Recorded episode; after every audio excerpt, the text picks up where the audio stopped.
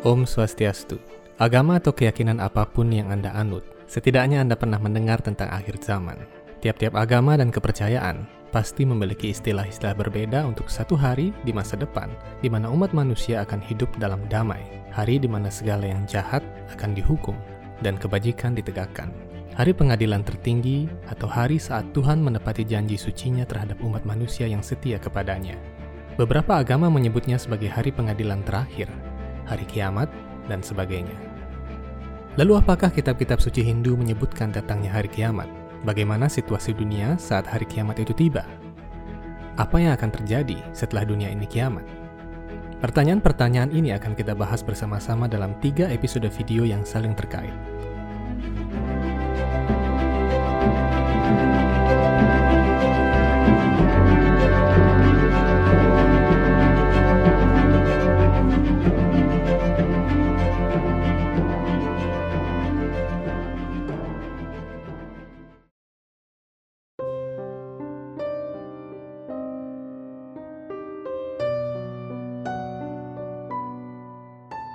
Sebelum membahas mengenai kiamat menurut Hindu, dalam video episode pertama ini, kita harus memahami terlebih dahulu mengenai konsep waktu dalam Weda dan perbedaan antara dua istilah penting yang harus Anda pahami, yakni Yuganta dan Pralaya.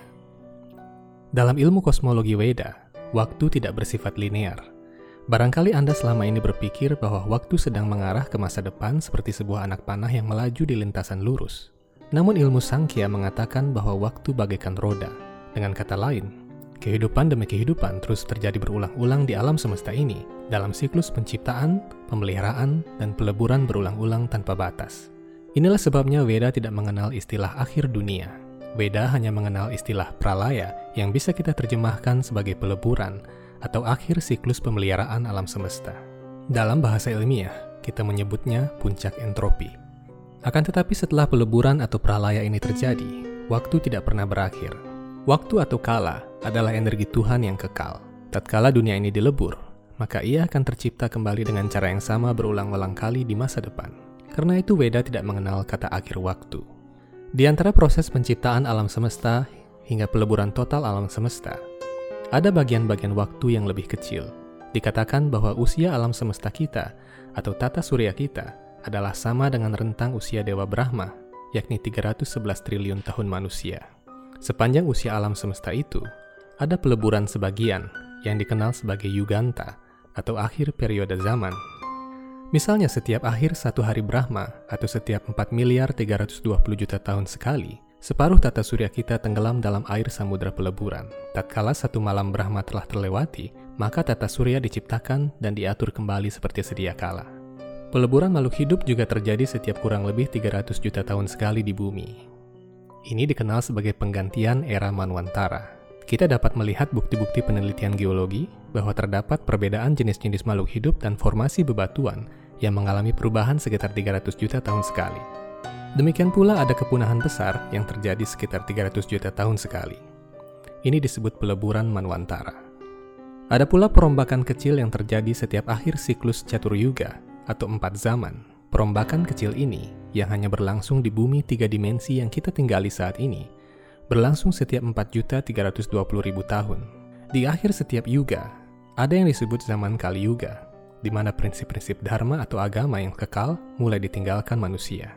Karena dharma atau kebenaran abadi adalah penopang bumi, maka tatkala tiang-tiang dharma ini hilang dari masyarakat manusia, maka bumi mendekati kehancuran, baik kehancuran fisik, mental maupun spiritual.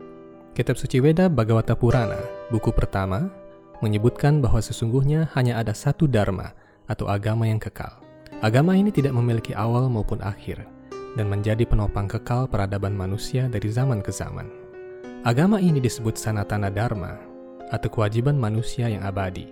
Dharma memiliki empat kaki atau pilar penopang, yakni daya atau cinta kasih, tapa atau pengendalian diri, sauca atau kesucian, dan satya atau kejujuran.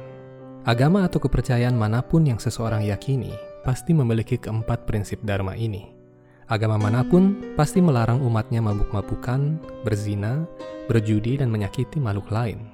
Sebab keempat hal tersebut bertentangan dengan prinsip-prinsip dharma yang kekal. Oleh karena itu, jauh sebelum kemunculan agama-agama yang ada saat ini, telah ada sanatana dharma yang kekal yang diikuti oleh para pewaris ilmu pengetahuan Weda dari awal penciptaan alam semesta. Di zaman Kali Yuga, pilar-pilar penopang dharma ini dihancurkan. Saat ini semakin sulit menemukan orang yang jujur. Perzinahan dan pelacuran ada di mana-mana. Kehamilan sebelum menikah menjadi hal yang lumrah. Minuman keras diperjualbelikan secara bebas, dan hampir tidak ada orang yang sanggup melakukan pengekangan diri, walaupun itu hanya berdoa kusuk selama lima menit saja. Semakin sedikit orang yang tertarik pada ajaran rohani. Bahkan, ajaran-ajaran rohani dihina dan orang suci direndahkan. Inilah tanda-tanda hancurnya empat pilar Dharma itu. Zaman di mana keempat pilar Dharma ini dihancurkan, dikenal sebagai zaman Kali Yuga, atau zaman kemerosotan peradaban manusia. Menurut uraian sejarah Weda, setiap zaman memiliki penguasa. Di zaman Kali Yuga ini, Tuhan memberikan kesempatan kepada Adharma untuk menguasai dunia. Mungkin timbul pertanyaan dalam benak Anda, apabila Tuhan adalah penjaga dan pelindung Dharma yang kekal, mengapa beliau membiarkan Adharma menguasai dunia pada zaman Kali Yuga? Ini adalah pertanyaan yang cerdas. Dalam video bagian kedua, kami akan mengungkapkan kepada Anda mengapa Adharma dibiarkan berkuasa di zaman Kali Yuga ini. Adharma adalah sosok kegelapan yang lahir dari punggung Dewa Brahma. Adharma memiliki banyak keturunan jahat, dan salah satunya bernama Kali atau Kali Purusa. Anda mungkin pernah mendengar istilah setan atau iblis. Dalam Weda, Kali adalah salah satu wujud iblis yang menguasai sifat-sifat kegelapan. 50 abad silam, seusai perang Mahabharata di Kuruksetra, Kali mulai memasuki peradaban manusia. Didukung oleh formasi bintang dan planet yang kurang mujur, Kali mendapatkan kekuatan penuhnya. Dinyatakan dalam Weda Bhagavata Purana bahwa tatkala Tuhan Sri Krishna kembali ke dunia rohani, maka Dharma, sifat-sifat kebajikan, keindahan, kesucian, dan kejayaan pergi mengikutinya. Karena itulah Kali perlahan-lahan dapat menguasai pikiran manusia. Dikisahkan dalam Adi Parwa dari Veda Mahabharata bahwa setelah Pandawa mencapai alam rohani, bumi diperintah oleh Maharaja Pariksit. Pariksit adalah cucu Arjuna, putra Abhimanyu yang perkasa. Maharaja Pariksit adalah satu-satunya keturunan Pandawa yang masih hidup dan berhak menjadi raja. Atas perlindungan Tuhan Sri Krishna, Pariksit terhindar dari senjata Brahmastra yang hampir membunuhnya tatkala di dalam kandungan.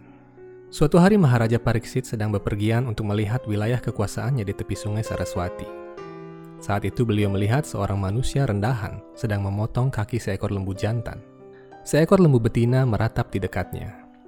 Maharaja turun dari keretanya, mencabut pedangnya, dan berniat menghukum mati manusia pendosa itu.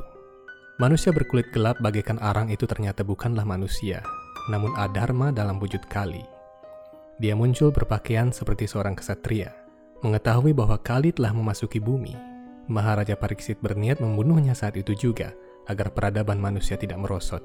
Namun, Kali begitu licik, dia bersujud di kaki Maharaja dan memohon ampunan. Dia berkata, Wahai Maharaja, tidaklah tepat bagi seorang raja agung seperti Anda menghukum orang asing yang memohon perlindungan di wilayah kerajaan Anda. Maharaja Pariksit menyadari bahwa zaman Kali Yuga akan segera tiba. Namun, beliau tidak bisa membiarkan benih-benih perbuatan berdosa berkembang dalam wilayah kerajaannya.